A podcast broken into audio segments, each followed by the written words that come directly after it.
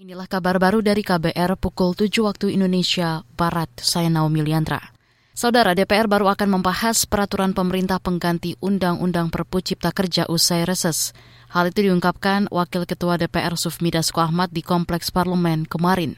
Politikus Gerindra ini enggan mengomentari soal urgensi Perpu maupun substansinya.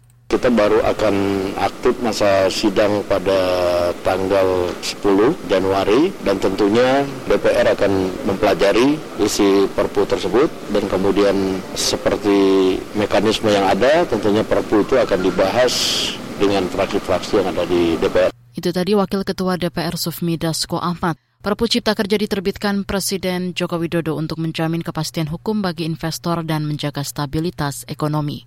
Perpu yang diteken di penghujung tahun 2022 itu dipersoalkan berbagai kalangan, termasuk buruh dan pengusaha. Perpu bakal menjadi undang-undang jika disetujui DPR. Kita ke soal hukum.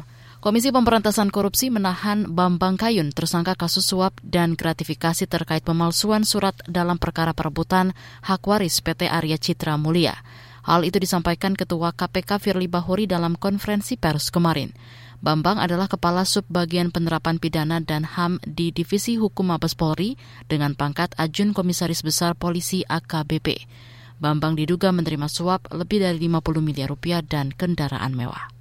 Untuk kepentingan dan kebutuhan proses penyidikan, maka yang bersangkutan tersangka BK dilakukan penahanan selama 20 hari terhitung tanggal 3 Januari 2023 sampai dengan 22 Januari 2023 yang dilakukan penahanan di Rumah Tahanan Negara KPK pada Pomdam Jaya Guntur.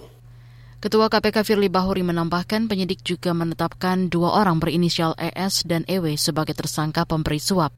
Namun keduanya belum ditahan karena masih buron dan diduga berada di luar negeri. Beralih ke informasi olahraga. Manchester United mengalahkan Bournemouth 3-0 dalam laga lanjutan Liga Inggris Rabu dini hari.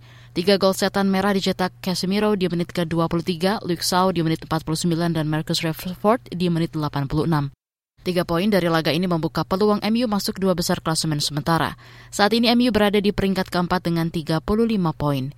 Jumlah poin ini sama dengan Newcastle United yang menghuni posisi ketiga dan cuma terpaut satu angka dengan Manchester City di peringkat dua.